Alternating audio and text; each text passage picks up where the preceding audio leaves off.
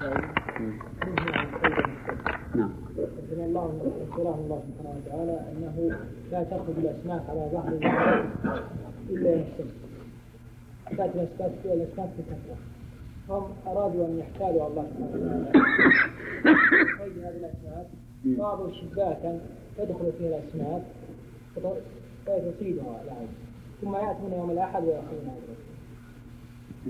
هم احتالوا على الله يحيلهم هي كيف الحيلة؟ الحيلة بأنهم صادوا الأسماك في يوم السبت وأخذوا في يوم الأحد كيف يعني؟ وضعوا لها. شبكة؟ شبكا تدخل فيه هم الصيد حصل يوم السبت وإن كان أخذ يوم الأحد طيب هذه صفة الحيلة؟ نعم صفة الحيلة إيه؟ أنهم فتحوا الترع إلى خارج البحر. وجعلوا لها سواقي. جعلوا لها سواقي نعم والموج يأتي ويدفع بالماء المحمل بالسمك نعم. ويدخل داخل هذه السواقي وت- وتسقط في الترع ثم في اليوم الثاني تنحسر الماء ويبقى الماء السمك لا يستطيع الرجوع. نعم. فيأخذوه يوم ال- الأحد. إي نعم. هذه هذه صفتين بعضهم قال مثل ما قال إبراهيم أن يضعون شباكا فتدخل فيه السمك في يوم السبت ولا تخرج منه. وبعضهم يقول لا. أن يفتحون سواقي على مجتمع من الماء ثم تدخله الاسماك طيب هذا الفعل يعتبر حجاج. وش حكمه؟ حكم يعني تعدي تعدي عن- حلال ولا حرام؟ لا حرام. كيف حرام وهم ما صادوا اليوم الأحد؟ بس آه، انه إنهم صادوه يوم السبت واحتالوا بال- بانهم ما صادوه يوم الأحد. السبت حصل في يوم السبت. إيه. يعني حيلة هذه هذه حيلة هذه حيلة والحيلة محرمة هذا. طيب هل العقوبة يا إسماعيل من جنس الفعل؟ مم. كيف ذلك؟ لأنهم عوقبوا عوقبوا بأن مسكوا قردة مسكوا قردة فصارت إشكالها إشكال الحيوانات وباطنهم باطن هو أو أقرب ما يكون للإنسان. أي نعم وهو أقرب منه أقرب ما يكون الإنسان في الظاهر. نعم. فكان وعملهم هذا أقرب ما يكون للحلال. ولكنه في حقيقته حرام. وهكذا القرود ظاهرها أنها تشبه الآدمي لأنها تفهم. حتى أنهم يقولون أنه قد يحصل اجتماع جنسي بين القرد والمرأة أحيانا. يشتهيها كما يشتهيها الرجل. و... ولكنهم في الحقيقة نعم حقيقتهم إيش؟ حيوان. حيوان بهائم انقسم أصحاب القرية هذه إلى كم يا براك؟ نعم. ناس اعتدوا. نعم. وناس نهوا عن المنكر. نعم. وناس سكتوا. سكتوا. طيب. الذين سكتوا هل كان لهم دور؟ الذين سكتوا هل كان لهم دور؟ الذين سكتوا يعني قالوا انه كيف تؤمن ناس كيف تؤمن ناس والله الله سبحانه وتعالى معذبهم.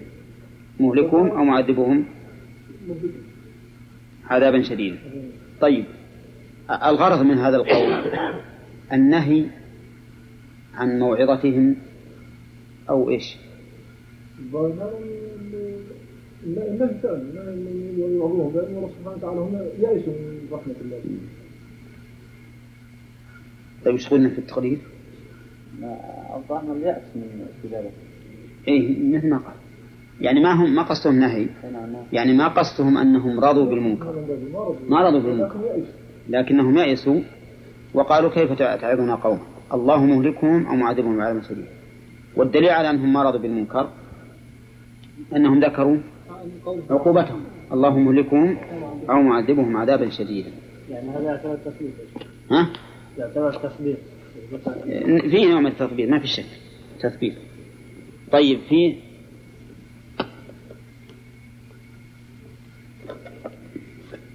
في نوع تثبيت وقد يكون إنهم لما آيسوا إنهم ظنوا إن التذكير ما ينفع إلا إذا ما يجب إلا إذا نفع. كما في قوله تعالى فذكر إن نفعت الذكرى. طيب تقدم أنت ما حضرت أنت؟ نعم طيب. الآن أحمد عبيد يبينها لنا. الطائفة الثالثة في اختلاف أن الله عز وجل سكت إيه. صر بين في حال الطائفة التي اعتدت نعم. حال الطائفة التي نهت نهت أنجينا الذين ينهون عن السوء. عن السوء. وأخذنا الذين ظلموا بعذاب بئيس بما كانوا يفسقون. فالطائفة الثالثة فيها خلاف هل هي تدخل في الذين ظلموا؟ نعم. أو أن الله عز وجل سكت عنها فنسكت عنها فنسكت عنها. الرجح أن أن نسكت عنها وإن قلنا فنقول تدخل في مع الظالمين أن الله خلق بعذاب ولم الكتاب. ولم ولم يطلبهم قردة يعني حتى إذا قلنا أنه أخذت الثاني الثالثة فهم أخذوا بعذاب بئيس. لأن الذين قلبوا قردة هم الذين اعتدوا. ولقد علمتم الذين اعتدوا منكم. السبت فقلنا لهم كونوا قردة. وقال فلما عتوا عما نهوا عنه. عما نهوا عنه قلنا لهم كونوا قردة خاسئين وحينئذ يبقى النظر هل تدخل الطائفة التي قالت لم تعظون قوما في قوله أخذنا الذين ظلموا بعذاب بئيس أو ما تدخل؟ قلنا أن فيها خلاف بين أهل العلم. لأن الله تعالى ذكر طائفتين أنجينا الذين ينهون وأخذنا الذين ظلموا. فصار عندنا منجى وم- ومؤاخذ. نعم. ومقلوب. المقلوب قطعا هي الطائفة الثالثة معتدية والناجي الطائفة الناهية. هذه واضحة. بقينا الذين ظلموا هل هم داخلون أو لا؟ كان نقول ما يدخلون قطعا لأنهم هم ظالمين. لكن لما قال أنجينا الذين ينهون عن السوء قد يقول قائل إن مفهوم ينهون هو قوله الذين ظلموا لأن الله جعله قسيما له. أنجينا الذين ظلموا وأخذنا الذين أنجينا الذين نهوا ينهون عن السوء وأخذنا الذين ظلموا فجعله قسيما له. وقسيم الذين ينهون عن السوء يشمل النوعين النوعين الطائفتين المعتدية والتي قالت لما تعظون قوم ونحن نقول الحمد لله ما هو هذا الشيء من الأمور التي يلزمنا أن نرجح. ونقول الله أعلم. إذا ما تبين لنا ظاهرا من القرآن فنقول الله أعلم. ثم قال الله تعالى فجعلناها نكالا لما بين يديها وما خلفها. جعلناها. اختلف في قوله فجعلناها على من على من يعود الضمير فيها. جعلناها. هل هي القرية؟ لقوله وسألهم عن القرية التي كانت حاضرة البحر يعدون في السبت ويكون مرجع الضمير مفهوما من السياق أو هي عائد على العقوبة. فجعلنا العقوبة لأن الله يقول قلنا لهم كونوا قردة خاسئين. فجعلناها أي هذه العقوبة طيب نمشي على الأول. فجعلناها أي هذه القرية نكالا لما بين يديه. وش معنى النكال؟ التنكيل بمعنى أن يعامل الإنسان بما لا يمكنه أن يرجع إلى ما عوقب به. نكلته يعني عاملته بعمل لا يمكنه أن يرجع إلى ما عاقبته به. نعم.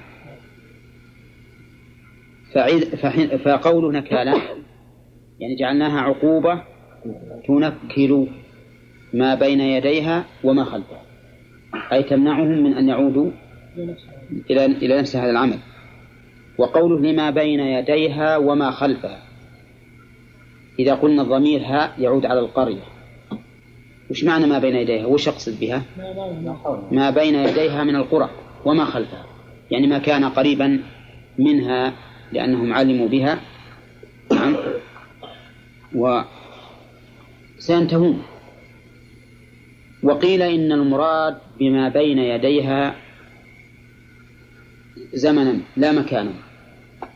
لما بين يديها زمنا لا مكانا. ولكن فيه إشكال. لأننا إذا قلنا ما بين يديها مستقبلها هو مستقبلها. فكيف يصح أن يكون ما خلفها؟ نعم. ينكر وقد مضى. أما فهمت؟ عندنا الآن ما بين يديها مكانا أو ما بين يديها زمانا.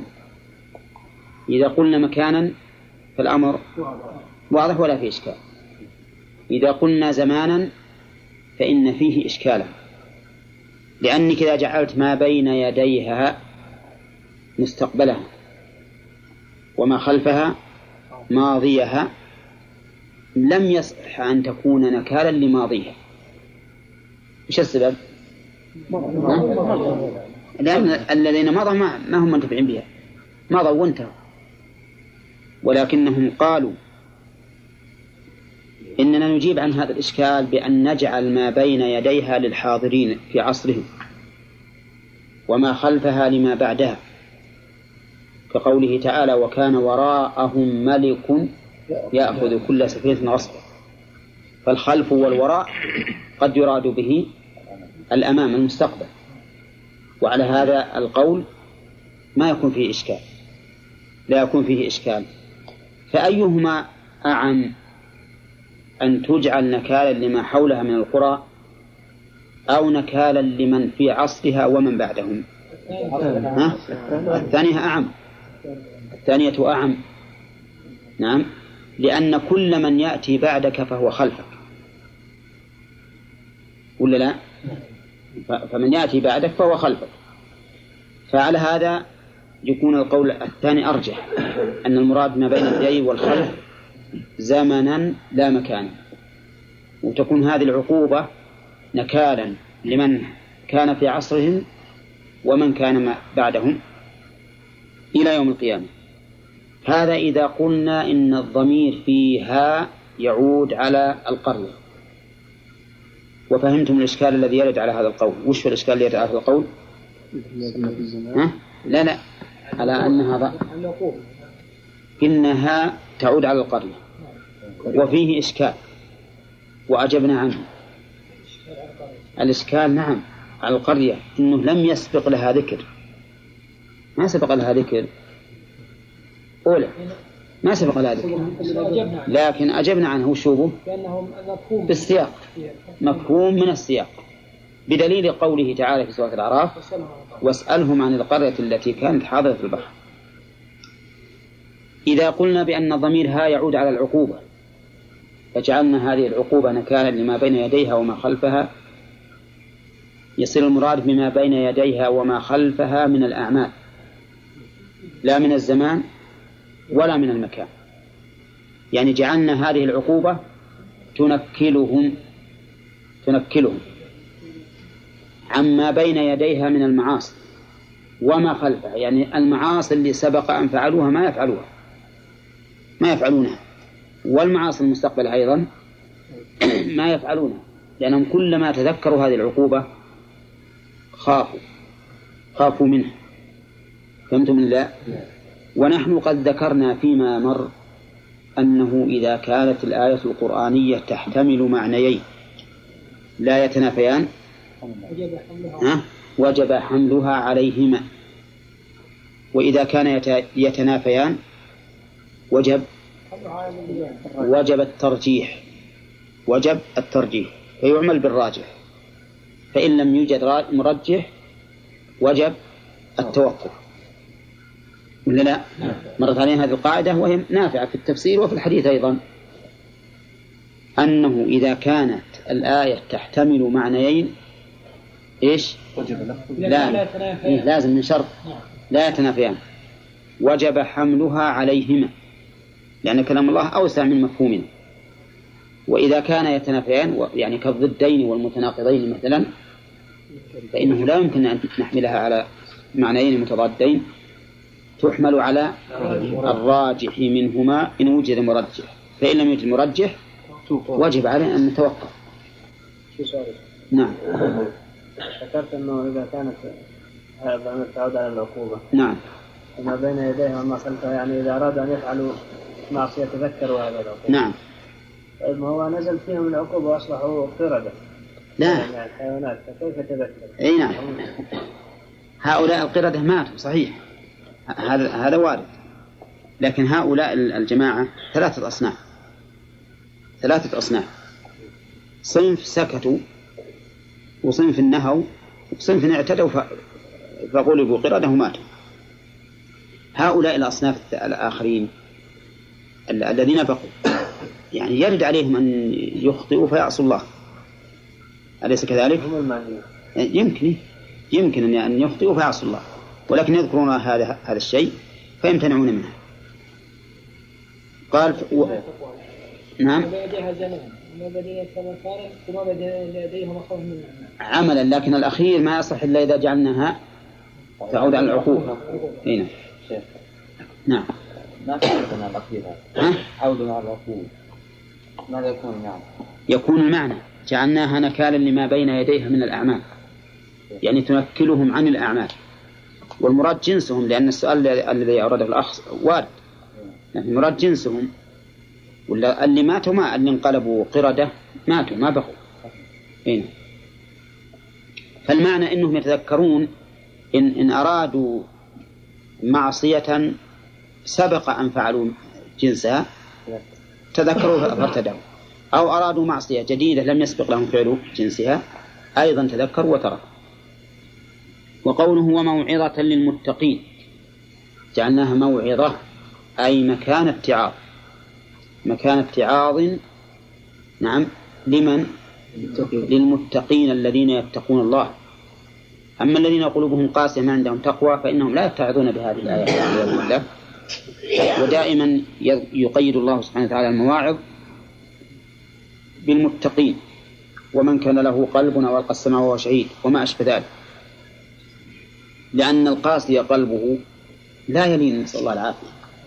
إن الذين حقت عليهم كلمة ربك لا يؤمنون ولو جاءتهم كل آية حتى يروا العذاب الأليم. من هذا النوع ما يوجد الآن في عصرنا توجد الزلازل والكسوفات والفيضانات والرياح العاصفة المتقي يتعظ بها ويخاف ويعلم أن الله أرسلها عقوبة. وغير المتقي لا يلين قلبه ولا يتعظ. ويقول هذه مسائل طبيعية. ما ما ما ما العقوبة فيها؟ ما لعقاب الله سبحانه وتعالى فيها أثر أبدا. نعم. هؤلاء ليسوا بمتقين في الحقيقة وإلا فالزلازل من من العقوبات. فكذبوه فأخذتهم الرجفة. والزلازل رجفة رجفة في الأرض تزلزل بها. فأخذتهم الرجفة فأصبحوا في دارهم جاثمين. ولهذا بعض الكتبة ما حذروا الناس من هذه الزلازل ما حذروهم المعاصي وإنما جعلوا يتكلمون ويقولون هذه سل هذه عبارة عن سلسلة زلازل ستمتد إلى جدة وإلى كذا وإلى كذا أنا ذكره لي واحد أمس يقول كتبوا في الصحف ها؟ أنها ستمتد إلى جدة وتروح كذا وأنها الجدة أخذهم من الخوف ما غاب وما حضر ها؟ وأنهم قالوا سنرحل إلى مكة لأن مكة ما جاء زلزال. هكذا قال واحد يحدثني من أهل جدة أمس عندي. يقول حتى أنها اضطرت وزارة الإعلام أن تكذب هذا الخبر وتخلي ناس من الخبراء يتكلمون بالتلفزيون. عن عن الزلازل وأن جدة ما جاء زلازل و... وأن الزلازل أكثرها في البحار. من نعمة الله أنها أكثرها تكون في البحار ما تكون في اليابس. هكذا سمعت. ولا ما تبعت الخبر هذا؟ لكن كان الواجب على المسلمين يا جماعة الواجب عليهم مو بهذا. واجب أنهم يخوفون الناس.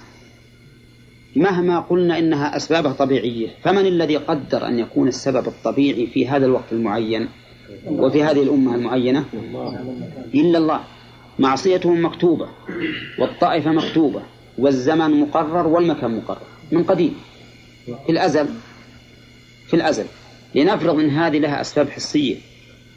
لكن تقديرها في زمنه وفي الأمة التي التي سكنت على هذا الجزء الذي اهتز. نعم.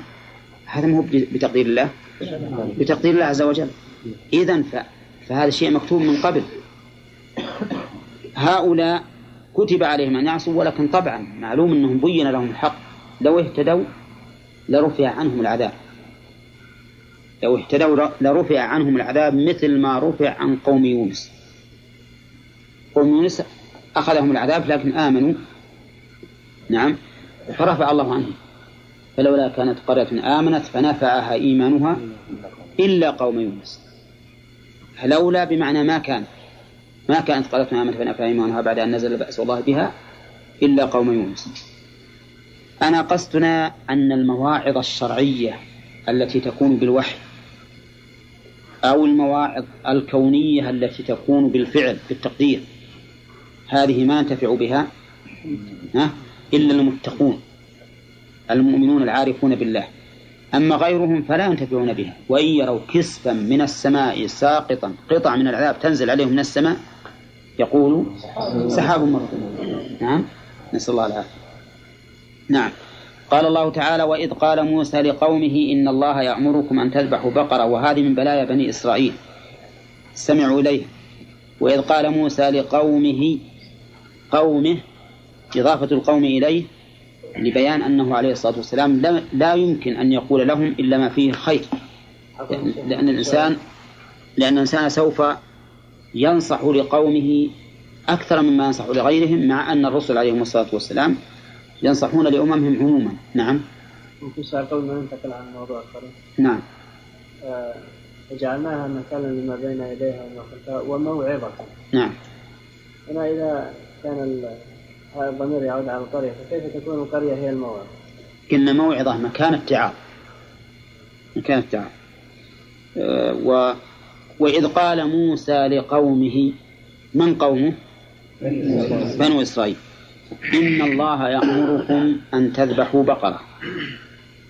قالها في جواب ذكره الله في أثناء القصة. وإذ قتلتم نفسا فادارأتم فيها والله مخرج ما كنتم تكتمون. قتل منهم نفس وقد ذكر المفسرون هنا إسرائيليات كثيرة حول هذا الموضوع. ولكننا نحن لا يعنينا أن نعين من هذا القاتل ومن هذا المقتول. هل هو ابن عم وهل هو يريد ماله وهل يريد كذا؟ ما علينا من هذا. نعم. إنما قتلت نفس فادارأوا فيها.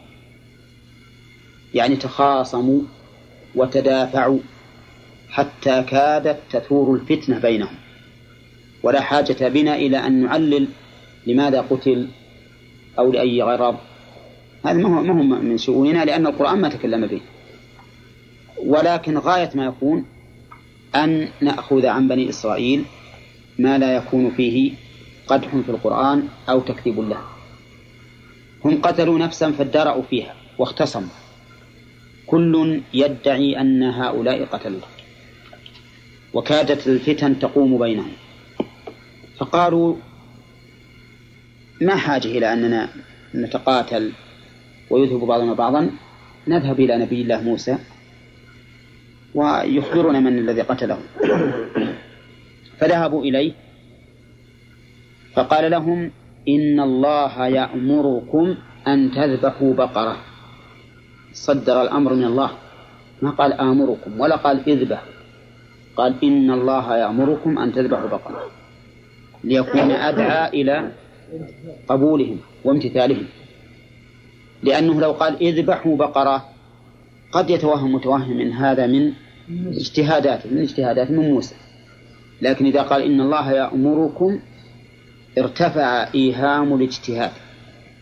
ولا لا؟ ووجب أن يكون قولا جادا لا هزءا إن الله يأمركم. ومع هذا اللفظ الصريح أن تذبحوا بقرة. قالوا أتتخذنا هزوا؟ أعوذ بالله. أتهزأ بنا؟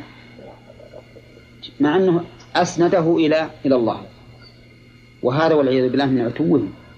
كيف هو نبيهم؟ ويعرفون النبي ومؤمنون به ويسند الأمر إلى الله. ثم يقولون أتتخذنا هزوا؟ هل هذا ممكن؟ ها؟ ما يمكن. لو نسب الفعل إليه لقلنا وإن كان بعيدا لكن قد يكون. إنه يريد أن لكن هذا بعيد يعني. باعتبار أنه نبي معصوم عن أن يهزأ بالخلق. نعم ما يمكن يقع. لكننا نقول لهؤلاء تنزلا مع عقولهم لو أن موسى صلى الله عليه وسلم قاله من عند نفسه لقلتم لعل هذا اجتهاد منه وليس بأمر من الله. لكن إن الله يأمركم ثم يقولون أتتخذنا هزوا. هزوا هذه مصدر.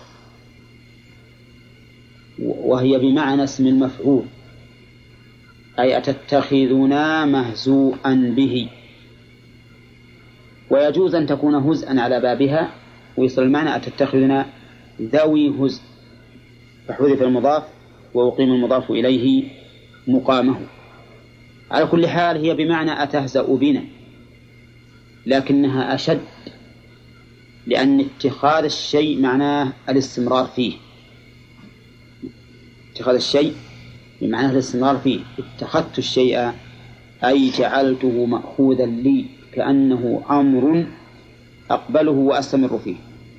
فهو أعظم من قولهم أتهزأ بنا. يعني كأنك اتخذتنا ألعوبة. ألعوبة لك.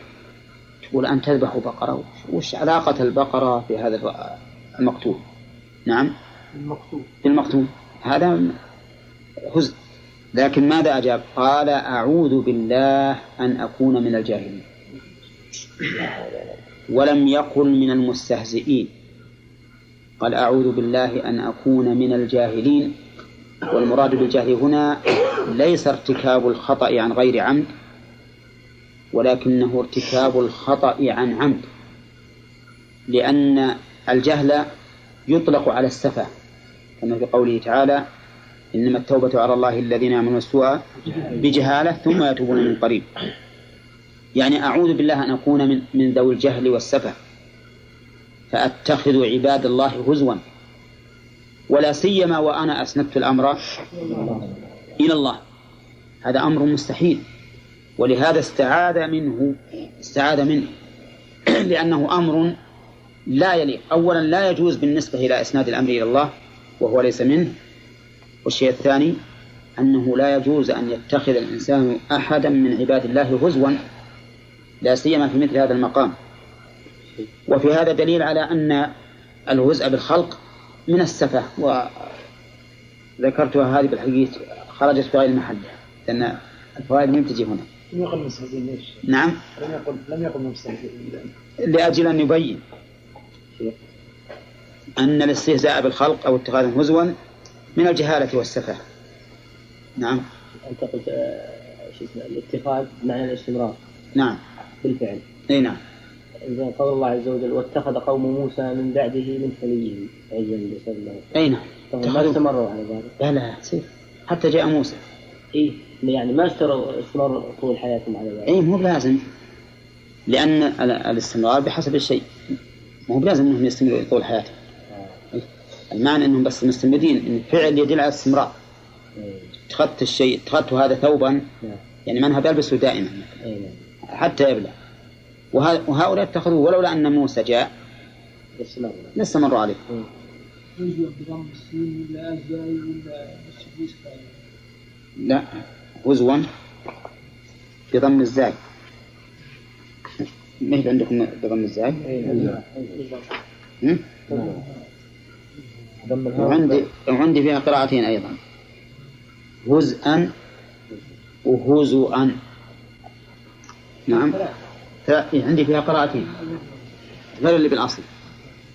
هنا. طيب وفيها أيضا إن الله يأمركم فيها قراءة التسكين. إن الله يأمركم إن الله يأمركم أن تذبحوا بقرة. نسيت أعلمكم بها. نعم. طيب وجه هذا التخفيف. ولا ما له وجه من جهة؟ طيب قوله أتتخذون وزن قال أعوذ بالله أن أكون أعوذ بمعنى أعتصم بالله. والاستعاذة ما تكون إلا بالله سبحانه وتعالى. أو بأحد فيما يقدر عليه. ولا لا؟ أي نعم. من استعاذكم فأعذوا. قالوا أتتخذون هزوا؟ قال أعوذ بالله أن أكون من الجاهلين. إذا تبرأ من اتخاذهم هزوا. بل أبلغ من التبرؤ سأل الله أن يعصمه منه وأنه أمر جدير بأن يستعيذ المرء منه. قالوا ادع لنا ربك يبين لنا ما هي. ما رأيكم لو أنهم ذهبوا وذبحوا بقرة؟ نعم وامتثلوا ما أمروا به. انتهى الأمر. لأن بقرة مطلقة. نعم أيسر لكن بقرة مطلقة ما فيها أي وصف. لكنهم والعياذ بالله شددوا فشدد الله عليهم. وهكذا قال النبي عليه الصلاة والسلام لن يشاد الدين أحد إلا غلبه. نعم. كل أمور الإنسان تطلبها التشديد تطلب فيها التشديد تصاب بأشد حتى في أمور الطهارة. نعم. بعض الناس مثلا قد يصاب بوساوس ثم ينفتح عليه ما هو أشد. أو يروح بغسل ثوبه من شيء فيه شبهة هم من يمدري وله أصيب بنجاسة محققة. فيشتد عليه الأمر. فالحاصل أنهم لو أنهم ذبحوا بقرة أي بقرة كانت انتهى الموضوع. لكن والعياذ بالله قالوا ادعوا لنا ربك يبين لنا ما هي وشف هذا الأسلوب الجاف ادع لنا ربك. ما قالوا ربنا ولا ادعوا الله. كأنهم بعيدين من موسى بعيدون من موسى ومن ربه سبحانه وتعالى. ادع لنا ربك جعلوا في منزلة المرسول لهم الخادم. نعم. الذي يدعو ربه هو. نعم نسأل الله العافية. وهذا من عتوهم يدلك على أن بني إسرائيل والعياذ بالله عندهم عتو وأن الله سبحانه وتعالى جعل موسى نبيا لهم وأنهم جديرون بأن يكون لهم مثل موسى عليه الصلاة والسلام في القوة.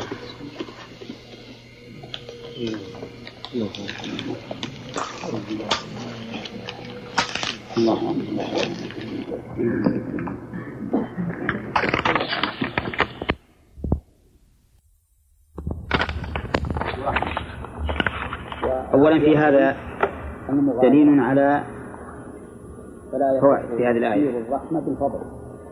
أولا أن الله سبحانه وتعالى لا يظلم أحدا. أيضا فكل من آمن بالله واليوم الآخر فإن له أجر. لقوله ولولا فضل الله الفائدة الثانية ثمرة الإيمان بالله واليوم الآخر وهو ثبوت الأجر وانتفاء الخوف هو الحزن الخوف منين؟ مما يستقبل والحزن على ما مضى. طيب. الفائدة الثالثة وآثارها تحصل أنه لا فرق في ذلك بين جنس وآخر. فالذين هادوا والنصارى والصابئين مثل المؤمنين إذا إذا آمنوا بالله واليوم الآخر. نعم. وإن كان المؤمنون من هذه الأمة يمتازون على غيرهم وهم أكثر أجرا لكن لهم أجرهم.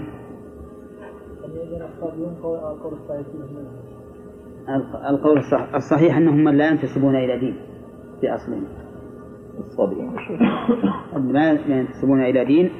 فإذا آمنوا بالله واليوم الآخر يعني مثل ما جاءتهم رسل ينتسبون إليه الفائدة الرابعة أن الجزاء قد يختلف بحسب الأمم. لقوله فلهم أجرهم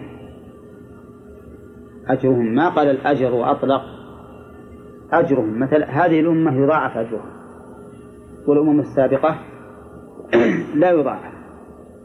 أليس كذلك؟ طيب إذا أجرهم تفيد هذا ولا لا؟ تفيد لأنه أضاف الأجر إلى نفس المأجورين فيعطون الأجر الذي قدر لهم وكتبه الله لهم. إن كان مضاعفا فهو مضاعف وإن كان غير مضاعف فهو غير مضاعف. الفائدة الخامسة أنه إذا ذكر الثناء بالشر على طائفة وكان منهم أهل الخير فإنه ينبغي ذكر أولئك الذين اتصفوا بالخير حتى لا يكون قدح عاما. لأنه بعد ما قال ذلك بأنهم كانوا يكفرون بآيات الله ويقتلون النبيين بغير الحق بين أن منهم من آمن بالله واليوم الآخر. وأن من آمن بالله واليوم الآخر فله أجره ولا خوف عليهم ولا هم يحزنون. طيب ثم قال الله تبارك وتعالى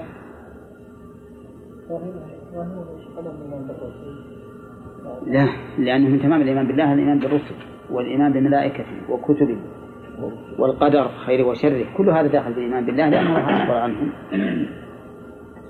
قال وإذا أخذنا ميثاقكم ورفعنا فوقكم الطور خذوا ما آتيناكم بقوة واذكروا ما فيه لعلكم تتقون. ثم توليتم من بعد ذلك.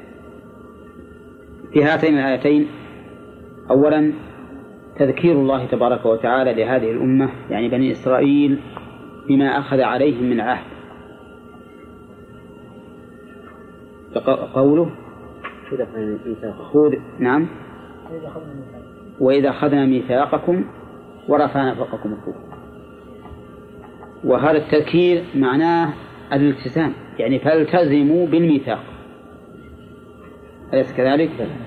ثانيا عتو بني إسرائيل حيث لم يؤمنوا إلا من تحت السياق كما يقولون لماذا؟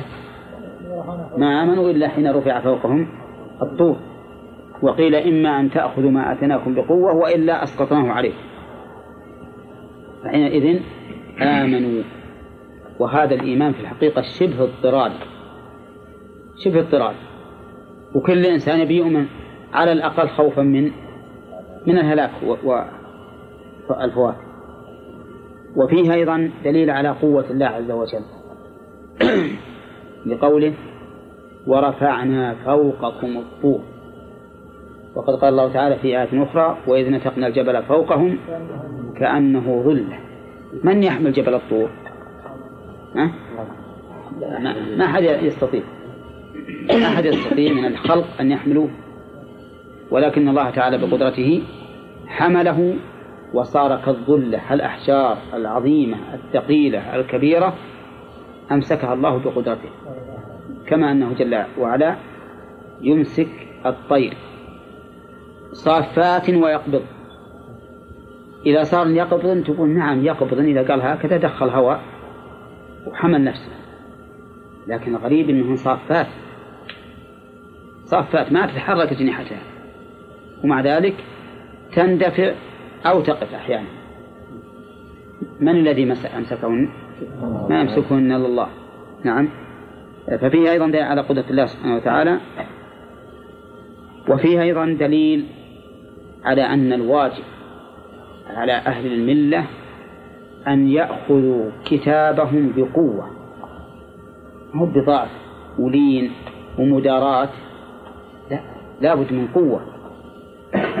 بالتطبيق والدعوة تطبيق على أنفسهم والدعوة إلى ذلك بقوة بدون فتور وبدون تراخي لأنه ما تتم المسألة إلا بهذا. وفيه أيضا دليل على أن الأخذ بالكتاب المنزل يوجب التقوى. من أين نأخذه؟ من قوله لعلكم تتقون. لعلكم أي لأجل أن تكونوا من المتقين لله عز وجل. الفائدة السادسة لؤم بني إسرائيل أنهم بعد هذا لما بقي رجع الجبل إلى مكانه ماذا كان؟ تولوا توليتم بعد ذلك. وهذا من اللؤم لأن الواجب أن يذكر الأمر الأول حتى يستقيموا ويستمروا على الأخذ بقوة. لكن هم تولوا من بعد ذلك. من بعد ما رأوا الآيات تولوا. الفائدة السابعة بيان فضل الله سبحانه وتعالى على بني إسرائيل لقوله فلولا فضل الله عليكم ورحمته لكنتم من الخاسرين. وهذه الأمة ولله الحمد فضل الله عليها أكبر من فضل بني إسرائيل. وفيه دليل على أن الإنسان لا يستقل بنفسه في التوفيق.